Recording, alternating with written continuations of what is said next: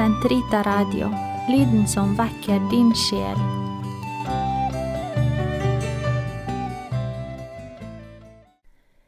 Karmels hage, episode syv Hvor begynner jeg?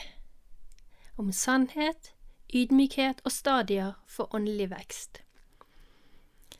Hvis dere blir i mitt ord, er dere virkelig mine disipler. Da skal dere kjenne sannheten, og sannheten skal gjøre dere fri. Det står skrevet hos Johannes kapittel 8, 31–32.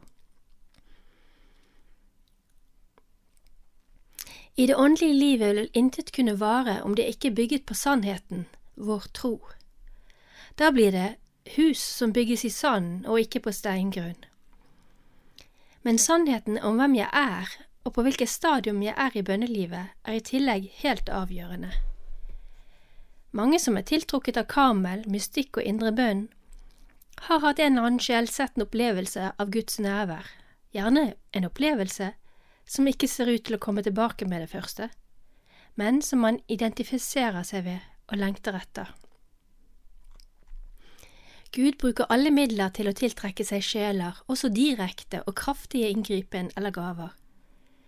Hvis jeg ikke er tilstrekkelig informert eller ydmyk nok, kan disse opplevelsene snarere bli til hinder enn til gavn. Derfor er både Johannes av Korset og Therese av Avila så nøye med å beskrive stadier i det åndelige livet. Ikke for at vi hele tiden skal måle oss og se hvor langt vi er kommet på veien, men for at vi hele tiden skal ha mulighet til å motta veiledning tilpasset vårt stadium. Siden Johannes av Korsets nybegynner er en nonne som allerede er kommet langt i det åndelige livet, starter vi denne fremstillingen med Therese av Avilas og hennes nybegynner. Den sjel som ennå befinner seg i det som hun i sin beskrivelse kaller den første boligen. Det skriver hun i boken Den indre borgen, der hun forklarer sjelens vandring innover mot gudsforeningen ved hjelp av en borg med syv boliger som bilde.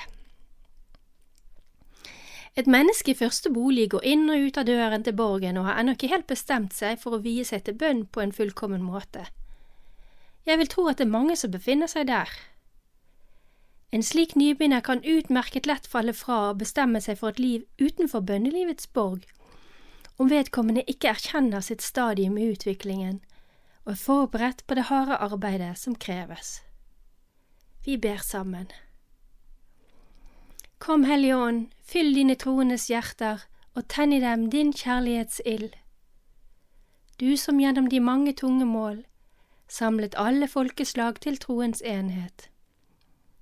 Send ut din ånd, og alt skal bli omskapt, og du fornyer jordens åsyn. La oss be. Gud, du har opplyst de troendes hjerter ved Den hellige ånd. Gi oss at vi ved din ånd kan glede oss over det som er rett, og alltid bli lykkelige ved Hans trøst. Ved Kristus vår Herre. Amen.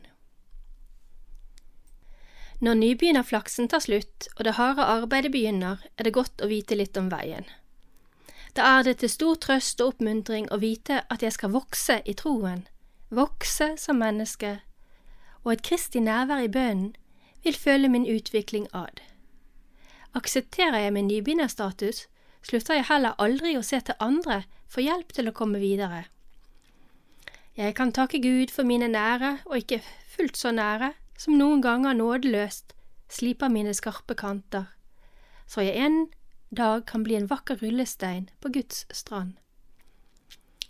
Da er jeg takknemlig for å lytte til prester, søstre og skriftefedre som øser fra sitt skattkammer og bistår meg i bønnen, så jeg får mot og styrke til å reise meg igjen hver gang jeg faller. Jeg kan hente inspirasjon og støtte fra helgenene som har gått forut for oss på bønnens veier, og selvfølgelig, og ikke minst, ha direkte kontakt med Herren gjennom sakramentene, lesningen av Hans ord i Skriften og forklaringen på dette i katekismen. I møte med Guds ord blir hver og en av oss for alltid en nybegynner. For en karmelitt er det ikke minst viktig å lytte til Karmels hellige. Historien om Edith Steins omvendelse etter å ha lest Therese av Avilas Boken om et liv sier mye om vår mor Teresas betydningsfulle innvirkning på sjelenes utvikling. Selv fant jeg den boken ganske krevende. Min erfaring med førstegangs gjennomlesning er at jeg gikk fullstendig tapt, og går opp et eller annet sted omtrent to tredjedeler ute i boken. Verken min gode vilje, fornuft eller fantasi var i stand til å følge Teresa inn i foreningen med Vår Herre. For meg var det hennes bønn til deg jeg fødtes som lokket meg inn i Karmel. Ja, så forskjellige er vi mennesker, og med så forskjellige redskaper kan en og samme helgen lokke sjeler til Gud via Karmel. Vi kan med fordel lese de samme bøkene om igjen utallige ganger, og akkurat som med Guds ord, stadig erkjenne noe nytt ettersom vi stadig endrer oss og forhåpentligvis vokser i troslivet. Dessuten må vi aldri miste motet når vi skjønner at vi har kommet bare så altfor kort i våre åndelige liv. Er du ærlig og trofast, vil du helt sikkert få oppleve at du tross alt har vokset litt når du tar frem den boken du ikke klarte å lese noen år tilbake. Kanskje klarer du et kapittel til, kanskje oppdager du noen dybder i det du trodde du forsto. På sekularkarmelittenes leseliste er det imidlertid en annen bok av Karmels mor som anbefales for nybegynneren, nemlig Fullkommenhetens vei. Og hvilken bok! Den kan med fordel leses årlig livet igjennom. Her forklarer Teresa så vakkert og klart begrunnelsen for alt det i Karmel som kan virke uforståelig for verden. Tilbaketrekning i lukkede klostre, fattigdom og bønn. Ikke minst forklarer hun ydmykheten så opplagt og forståelig med utgangspunkt i så aldeles altfor godt kjente problemstillinger mennesker seg imellom. Kiving over makt, posisjoner, ros og ære. Noe vi kanskje ikke engang tenker over at vi er preget av, før vi blir forbigått, kritisert eller angrepet, med rette eller helt urettferdig. Her slår Teresa ned som en hauk over sitt bytte. Det spiller faktisk ingen rolle om vi får skyllebøtten fortjent eller ufortjent. Med en Herre og Mester, Jesus Kristus, som vi søker å forene oss med, som led så aldeles ufortjent, hvem er jeg som prøver å unngå dette, eller rettferdiggjøre meg selv med at jeg hadde rett, osv.? Hun skriver. Gud bevare oss fra slike rettsbegrep. Synes dere at det var rett at vår Herre Jesus fikk gjennomgå så mye smålighet og utstå så mange urettferdigheter? Kan dere noensinne lide så mye at dere ikke fortjener å lide mer? Når alt kommer til alt, får de dog dele både ære og vanære med hverandre, og ønsker å ta del i vår brudgoms rike og dets glede, men ikke ville ta del i hans vanære og prøvelser, er dårskap. Dette er harde ord.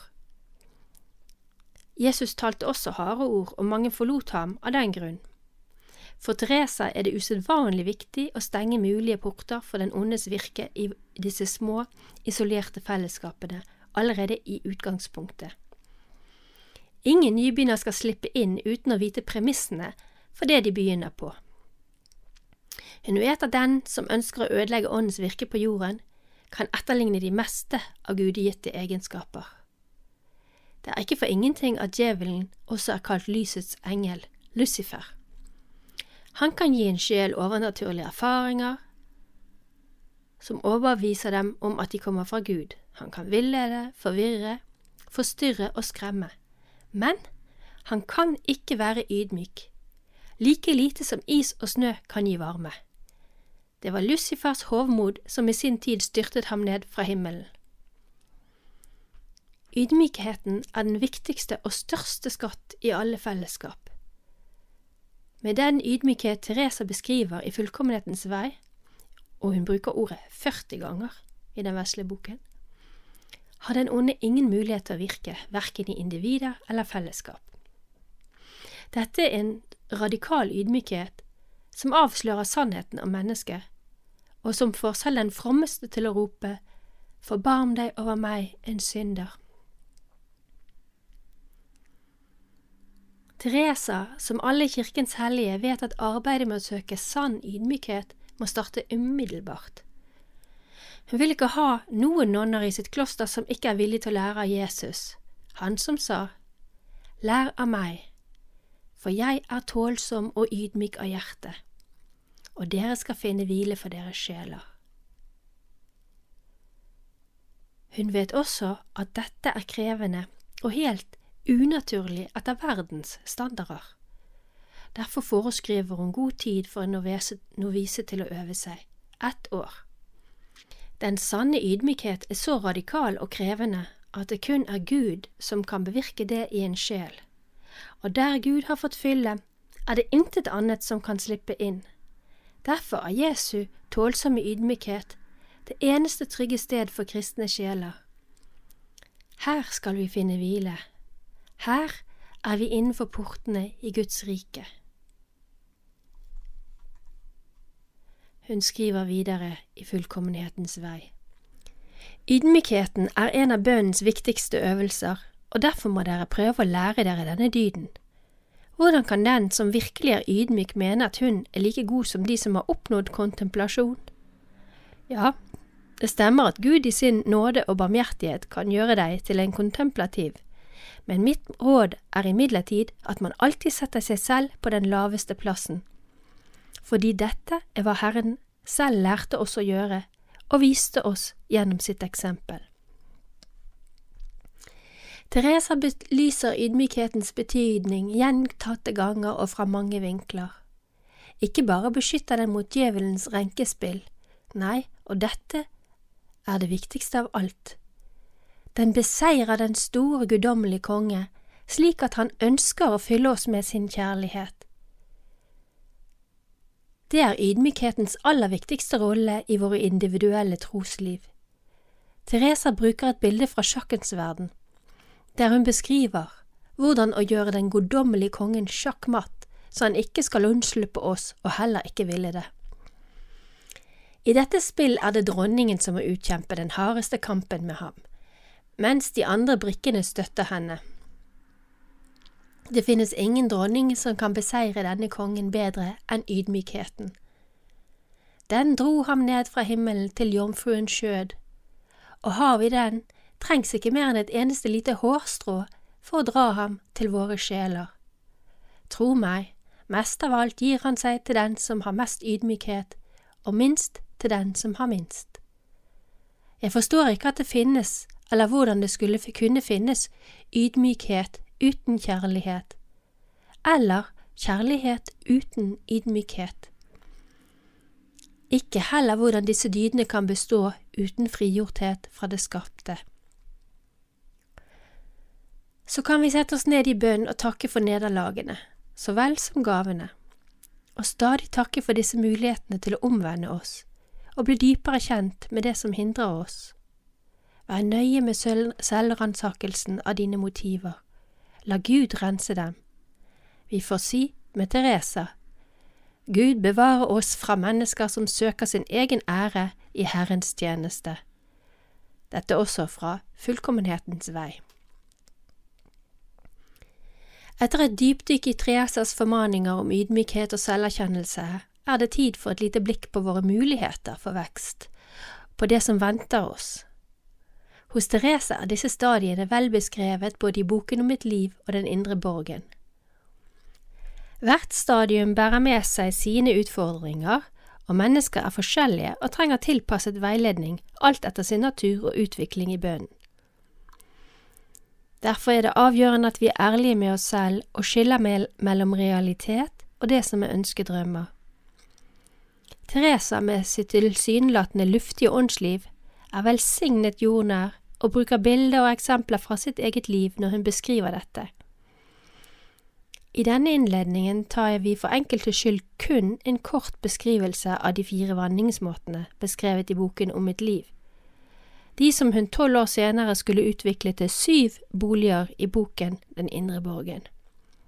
Og nå leser jeg fra boken om mitt liv og hennes beskrivelse av de fire vanningsmåtene. Teresa skriver Nå taler jeg om dem som nettopp har bestemt seg for å efterstreve dette høyeste gode og vil gjennomføre sitt forehavende. Er det nå i begynnelsen de får det tyngste arbeidet, for nå er det de som arbeider mens Gud gir dem sin nåde.